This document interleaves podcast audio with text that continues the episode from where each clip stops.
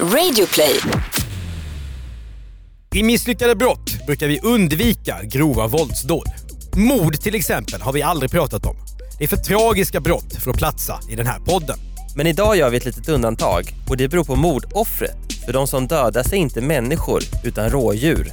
Men den skyldiga är inte heller vilken brottsling som helst. Välkommen till Misslyckade brott som idag handlar om hur Runar Sögård fick hela Sverige att skratta men landets alla jägare och rådjur att gråta. I Radio Plays jakttorn, förlåt poddstudio, sitter Andreas Utterström och Mattias Bergman.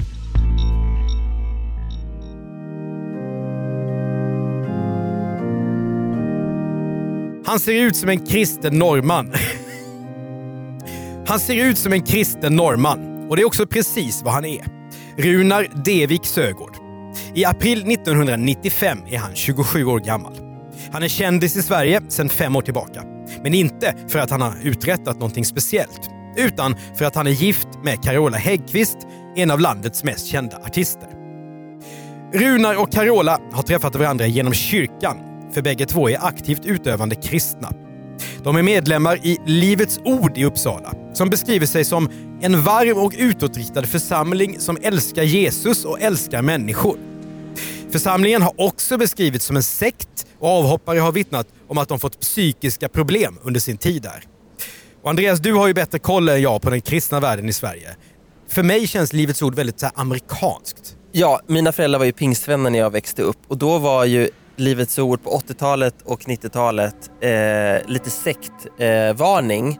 Eh, eh, väldigt amerikanskt, man kallar det för framgångsteologi. Kvällstidningarna skrev eh, väldigt mycket om det. Idag skulle jag tro att de är en accepterad frikyrka och har varit ganska länge. Men det som stack ut, det var ju man hade en väldigt karismatisk pastor i Ulf Ekman. Jag var ju där en gång för jag skrev specialarbete om bland annat Livets Ord och sett en Aha. predikan av Ulf Ekman. Han är den bästa talare jag någonsin har sett. Men Ulf Ekman har grundat Livets Ord va? Ja, eller han kom i alla fall kommit in eh, tidigt. Han var ju präst i Svenska kyrkan från början. Eh, men, men eh, jag tror inte han passade inom de snäva ramarna så att säga. Mm. Eh, men det är väldigt, ganska mycket prat om, om eh, pengar och så här. Om du ber om församlingens ekonomi, gör Gud mirakel. Ganska mycket fokus på, på helande och sen har ju då läckt ut en del obehagliga bandinspelningar när man skriker och skrattar ut andar och sådär. Det vill säga de här sakerna som finns i en del frikyrkor men som du ganska framträdande roll i Livets Ord. I alla fall när medierna rapporterade om Livets Ord. Det här är ju 1995 någonting väldigt exotiskt minns jag från när man läste kvällstidningar. Att det här med Gud och pengar, Gud och mammon som liksom gick hand i hand och det Mm. ansågs lite fult. Ja, men det är det som kallas för framgångsteologin. Det finns ju ett slags, men det är ingen eh, slump att det finns ett, det är väl ett punkband som heter Det kristet utseende. För det, man kan liksom se de här Livets ordarna framför sig. Det är väldigt, ofta ganska så här tjusiga, framgångsrika eh, människor vars hy icke har eh, liksom anfrätts av alkohol och så. Och, och eh, eh, vissa tycker att det är ytligt och obehagligt, andra tycker att det bara är fint. Carola och Runar är de stora stjärnorna i Livets Ord och församlingen blir mycket omskriven de här åren. Hon har sålt hundratusentals skivor sedan sitt genombrott med schlagerlåten Främling 1983. Han är ungdomspastor och har blivit landets mest kända äkta make. Bilderna från parets bröllop, där Runar ser ut som en gigantisk blond maräng i vit frack med kammerband och fluga i guld, ja, de är klassiska. For meg så har det litt grann for mye freakshow. Befruktning hit og dit og menstruasjon og hele pakka. När en inspelning av hur Carola, Runar och andra medlemmar i Livets Ord talar i tungor vid en gudstjänst kommer ut i medierna, ja då går svenskarna nästan bananas. Halleluja Jesus, vi bara prisar dig Herre. Åh, vi prisar dig för att du är med. Jag, jag får ju så creeps av tungomål. Jag har ju hört tungomål ganska ofta i min barndom. Eh, inte riktigt på det här extatiska sättet som i Livets Ord, men, men i den pingstkyrkan där mina föräldrar var medlemmar så var ju det förekommande varje söndag. Och jag tycker också att det är konstigt och eh, creepy och tror inte alltid att det kommer, att det är så uppriktigt. Utan folk känner sig tvingade att hålla på med det här. Men kan du förklara för mig, du som har varit inne i en sån här församling, för det har jag inte alls någon koppling till så att säga alls. Är, det lätt att dras med i en sån här stämning? Är den så stark som man tror? Den kan nog vara det om det är en stor församling och om det är en karismatisk ledare. Det var det inte i Philadelphia-kyrkan i Nora, men Livets Ord med en karismatisk ledare som Ulf Ekman, det är ju något helt annat. Så om du eh, kommer över den där tröskeln, det där motståndet som jag tror de flesta känner i början, då tror jag det är ganska lätt att åka med. Lättare än vad man tror, precis som att folk går på fotboll och plötsligt står man där och skriker könsord till domaren och man vet inte riktigt hur det har gått till. Tungomål känns ju nästan ännu mer eh, ännu längre steg än könsord till domare tycker jag. För vissa i alla fall. Ja. Men det är konstigt, vad får de rent, ja också rent språkligt? Någon, någon lingvist borde forska på tungomål tycker jag. Ja, det finns, ju- det finns ju garanterat. Om det är liksom Guds eget språk eller om det bara är religiös masspsykos. Det är ju det som är frågan. Okej, nu ska jag koncentrera mig lite på ämnet här. Mm. När Runar och Carola inte är i kyrkan och jobbar, eller hon wailar hem en eller annan miljon, visar de gärna sin ömhet för fadderbarn inför alla medier som vill se på. De bor i en villa i Vreta söder om Uppsala. Det är ett ombyggt sommarstugområde med många permanentboende. Huset som är supermodernt, byggt 1991, är på 275 kvadratmeter. Det ligger nära sjön Ekholm. Men huset har också närhet till skog och natur. Och det är en förutsättning för brottet som nu ska begås. För bland villorna i Vreta finns en plåga som gör livet surt för de som bor där. Rådjuren. Capriolus capriolus. Ett vackert hjortdjur tycker de flesta av oss. Men det håller inte alla villägare med om. Från skogspartiet tar rådjuren sig in i tättbebyggda områden för att leta godsaker. Det här tampas många svenskar med både idag och 1995. Inte minst i idyllen Vreta. Ett tips är att sticka ner vanlig vitlök i trädgården vilket lär hålla rådjuren borta ungefär som man gör med vampyrer. Men det har Runa Sögård uppenbarligen inte testat trots att rådjur i Vreta är en vanlig syn. Runar uppges vara mycket förtjust i jakt och äger två Winchester-gevär. De har han såklart vapenlicens för sedan några månader tillbaka. Och skjutvapnen tycks få jobba så att de glöder. Inte ens Runas 45 kilos vakthundar tycks skrämma rådjuren. Trots att dobermann-pinscherna är tränade av israelisk militär och tysk polis. Enligt uppgift från honom själv, eller? Såklart! Ja. Han har ju gett artik- gjort artiklar och gett intervjuer där han skryter om hundarna. Det är liksom vinkeln. Så att det är... Nej, att ha Bambi runt knuten, det verkar göra Runar helt tokig. Och i mitten av april, strax före påsk 1995, då blir det bokstavligt talat skarpt läge. Ett poddtips från Podplay. I podden Något Kaiko garanterar östgötarna Brutti och jag, Davva, dig en stor dos skratt. Där följer jag pladask för köttätandet igen. Man är lite som en jävla vampyr. Man har fått lite blodsmak och då måste man ha mer. Udda spaningar, fängslande anekdoter och en och annan arg rant. Jag måste ha mitt kaffe på morgonen för annars är jag ingen trevlig människa. Då är du ingen trevlig människa, punkt. Något Kaiko, hör du på Podplay. Därför är gardinerna. Runar är på väg till gymmet för att träna med en kompis. Han älgar upp på övervåningen i villan för att hämta tröja och underkläder. I sitt och Carolas sovrum. Men när han förstulet ser ut genom fönstret så ser han ett rådjur. Det är absolut inte första gången och i beskrivningen av händelsen är det som att det så slint för Runar. Han greppar helt enkelt ett av sina gevär, lägger an, trycker in avtryckaren och dödar den här råbocken. Och när jag ser ett rådjur tänker jag inte åh vad vackert, utan var är bössan? Jag öppnade fönstret och fram kom älgstudsaren. Halleluja. Ja, så säger Runar själv om hur han ser på att fredliga hjortdjur strövar runt i hans närhet. Ett rådjur väger upp till 35 kilo. Så vad gör Runar med bocken när han har dödat den? Jo, han släpar in den till sig. Det var inget påsklamm som slaktades hos oss, det var ett rådjur. Så, så vi hade påskmiddag hela helgen. Ja, det här offret har Runar gjort rådjurssadel av. Men de hårresande citaten som Andreas just har läst, det är vad som gör det här brottet till ett misslyckat brott. För om Runar hade haft vett att hålla tyst om skjutningen hade kanske ingenting hänt. Men han berättar frispråket om vad han har gjort inför en församling i Örebro. Och då är frågan, varför då? Hur kommer, han är ungdomspastor, hur kommer man in på rådjur i en predikan? Det är det jag inte förstår riktigt. Nej. Och det är inte bara hundratals människor på plats på missionsmötet som hör honom erkänna Bambi-mordet. Alltihop spelas dessutom in på video. Runar och Carola älskar nämligen att göra filmer av sina framträdanden och sälja dem. Till och med deras bröllop har blivit köpvideo. Hade det här paret varit i full swing idag hade de säkerligen tjänat miljoner på sina YouTube och Instagram-konton. Ja, deras egen YouTube-kanal. Kan du tänka dig den? Det kan jag. Den hade nog eh, funkat bra. Ja, så in i spisen. Nu går en tipsare till polisen i Uppsala. En klassisk polisutredning inleds. Och landets mest kända norrman blir genast vår mest ökände jägare. Runar riskerar fängelse, skriker de svarta rubrikerna. Det visar sig också att Runar är en seriegärningsman. Han har skjutit rådjur hemifrån flera gånger. Är det inte sovrummet som utgör jakttorn så är det hans toalett. Men alltså, det är ju, han bor ju, det är ett sommarstugområde så, så de, Ja. det ligger inte jättetätt. Men det kan ju ändå vara så Det är ganska tajt när man ser det på kartan. att det springer in, eh, råkar springa in något grannbarn eller någonting. Det är väl inte för inte man inte får skjuta i ett tättbe, tättbebyggt område Nej, det är fullständigt livsfarligt såklart. Tänk eh, det kan studsa. Ja. Det är ju inte klokt. Så hur Runas status bland grannar, som vi snart ska komma in på, den är ju högst omdiskuterad. Men så här säger då Runar om skjutningen från toaletten. Det var på morgonen och min fru står och sminkar sig och då ser jag två rådjur. Vad gör en man då?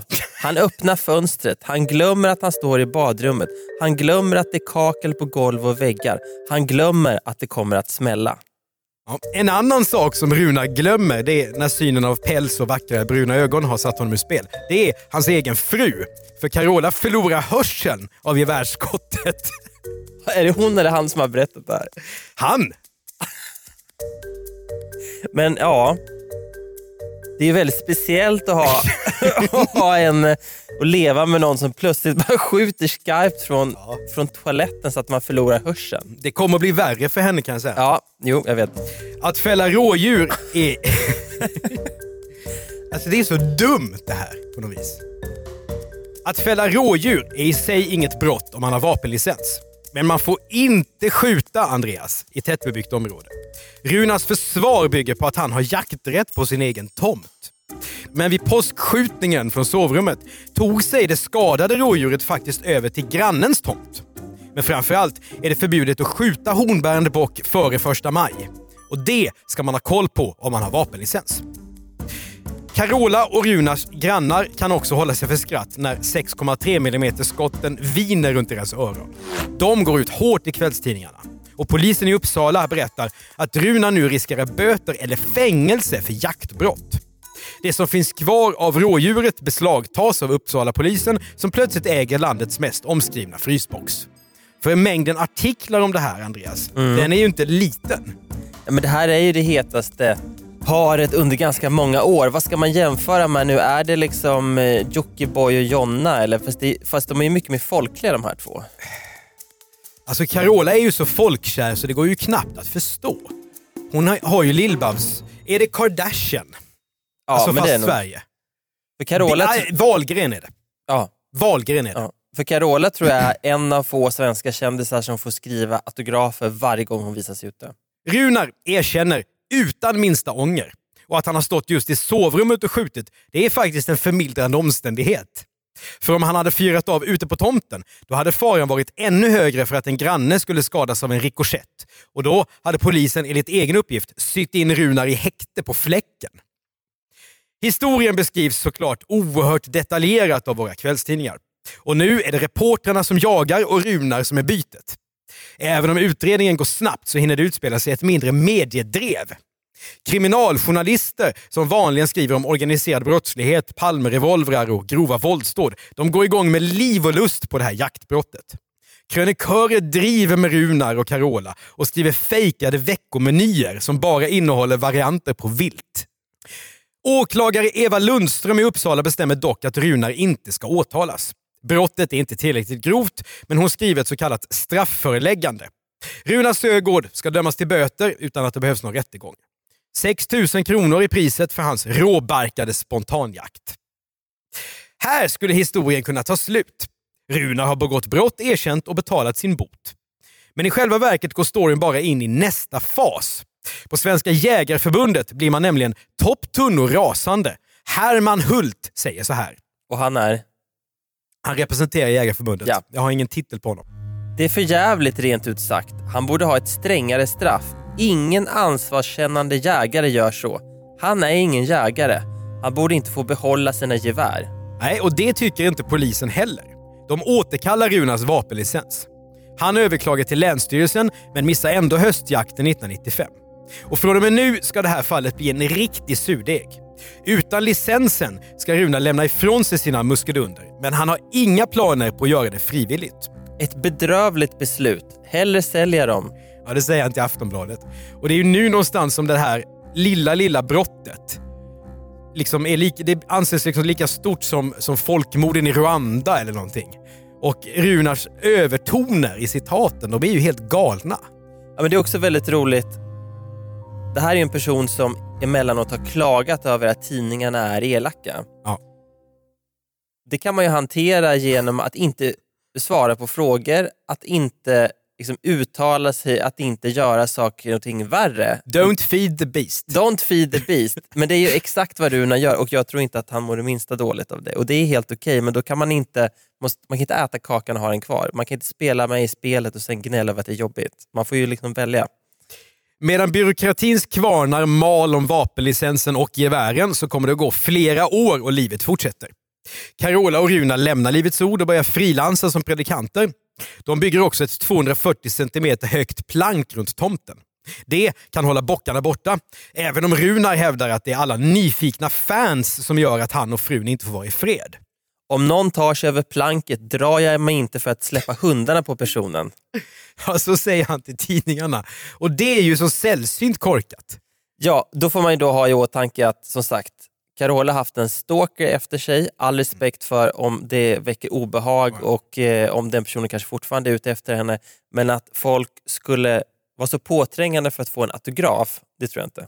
Nej, och att berätta vad man tänker göra. Att man har då israeliskt tränade 45 kilos hundar som man utan omsvep tänker släppa ut efter folk är ju osmart, säger jag i medierna.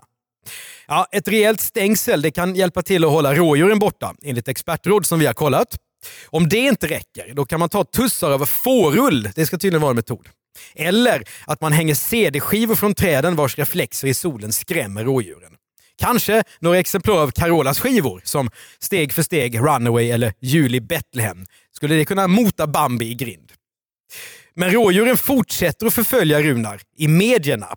Till jul 1995 skriver Göteborgs-Posten om vad de vill ge kändisar i julklapp. Runa Sögård, Carolas man, får fyra rådjur och ett skjut. Lite spänning i sitt liv. Ja, det står det. Och Göteborgs-Posten som här är så långt under bältet som man kan vara. Aldrig trott att GP skulle vara. Sveriges finaste tidning tycker man där i alla fall. Ett år efter dödsskjutningen i Vreta har Runa överklagat beslutet om böter.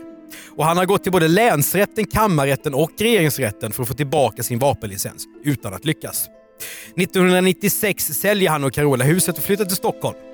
Grannarna är glada, för nu slipper de höra Runas ständigt skällande hundar som de har klagat på i tidningarna. Familjen Sögård Häggkvist är som vanligt storvilt i medierna. Och här har vi då några av artiklarna om dem. Runa... Vad är det? Vad var det nu då? Det är så jävla dumt, man har liksom glömt bort lite hur det här var. Runar går ner 14 kilo i vikt och skyller på att Carola tjatat.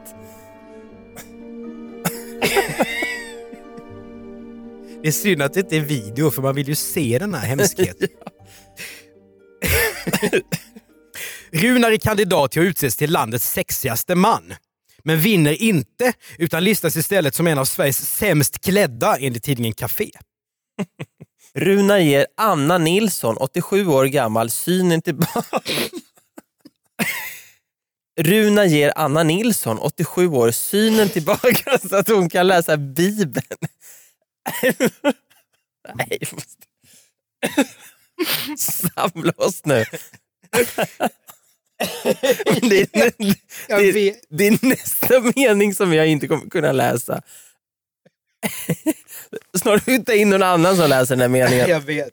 Runa ger Anna Nilsson, 87 år, synen tillbaka så att hon kan läsa Bibeln utan glasögon. Säger hon själv i alla fall. Men när Runa försöker hela komikern Lasse Brandeby så lyckas det inte. Här blir det lite allvar egentligen Andreas, därför att, det här att han, han säger ju att han kan hela sjuka människor. Det tycker jag ju är rätt upprörande. Det här är ju så ben som växer ut under, under predikan och sånt här trams. Mm. Och det, det obehagliga är ju att eh, ibland sägs det rent ut, ibland sägs det mellan raderna i sådana här sammanhang. Det är att om du bara tror tillräckligt mycket som kommer Ja. Gud göra mirakel, då är det ju förfärligt när folk inte gör något annat än att tro och sen så eh, blir de inte helade. Vad, hur känns det inuti då? Så jag tycker ju som du att det är extremt oansvarigt att hålla på med sånt där. Man lurar inte sjuka och svaga människor. Nej, och inte Lasse Brandeby heller tydligen. Nej. Carola och Runar får barn 1998. De skiljer sig år 2000. Senare avslöjar hon att Runar inte bara skjutit rådjur, utan också knäppte hennes katt för att han inte gillade den. Va? Ja, rubrikerna är många, men rådjuren de glöms aldrig bort. Genom åren skrivs det tiotals artiklar om Runars skjutning och bråket om de beslagtagna vapnen. Och det beror väldigt mycket på Runar själv. 1997 anmäler han Svenska Jägarförbundet. De har förtalat honom när de sagt att han inte är lämplig att ha vapen, tycker han. Men även den vane jägaren, journalisten Jan Guillou, är på förbundets sida.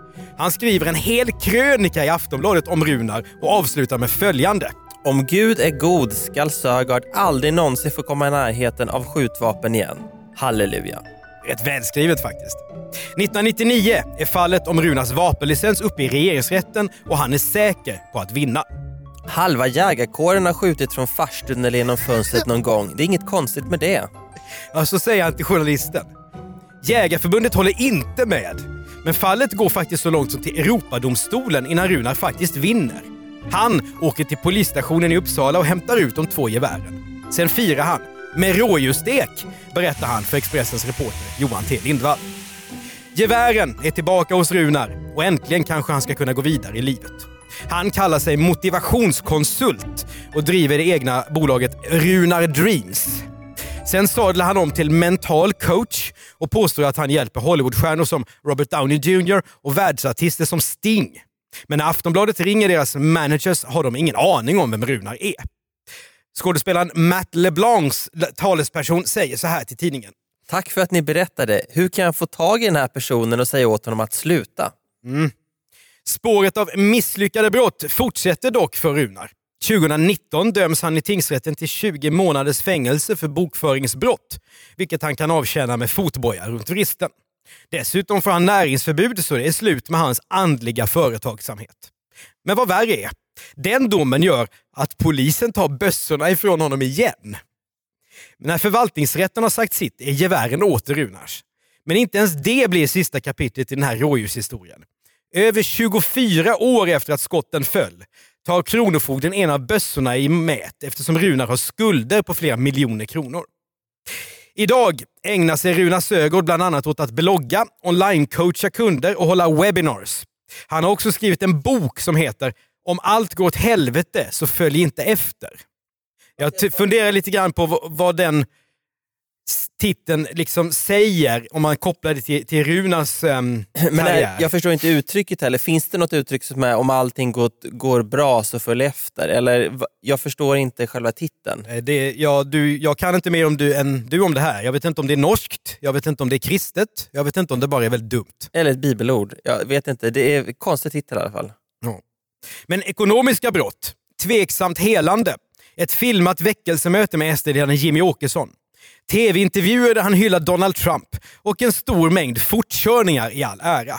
Det är rådjursmålet som gjorde att Runar gick från att vara Carolas man till att bli kändis i sig själv. Som han själv säger. Ett ungdomsgäng skrev att jag var deras hjälte. När jag stannade och tankade sa folk, det är rätt. Eller, har du bössan med dig Runar? Rådjuret har blivit min främling kan man säga. Du har hört ett avsnitt av Misslyckade brott av Andreas Utterström och Mattias Bergman. Exekutiv producent Jonas Lindskov. Prenumerera och betygsätt gärna på podden så är det fler som hittar till den. När vi inte håller på med det här så driver vi specialistbyrån för innehåll, commercial content och gör då podden världens bästa innehåll. Och Andreas, om det blir fler misslyckade brott, vad är vi då beroende av? Vi är beroende av tips från alla er lyssnare därför att om ni inte hade hört av er så hade det inte blivit någon sjätte säsong. Så fortsätt gärna med det genom att mejla till Misslyckade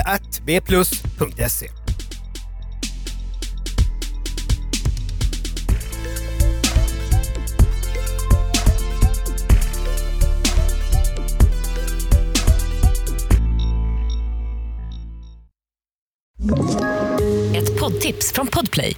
I podden Något Kaiko garanterar östgötarna Brutti och jag, Davva, dig en stor dos skratt. Där följer jag pladask för köttätandet igen. Man är lite som en jävla vampyr. Man har fått lite blodsmak och då måste man ha mer. Udda spaningar, fängslande anekdoter och en och annan arg rant. Jag måste ha mitt kaffe på morgonen för annars är jag ingen trevlig människa. Då är du ingen trevlig människa, punkt. Något Kaiko, hör du på Podplay. Därför är gardinerna.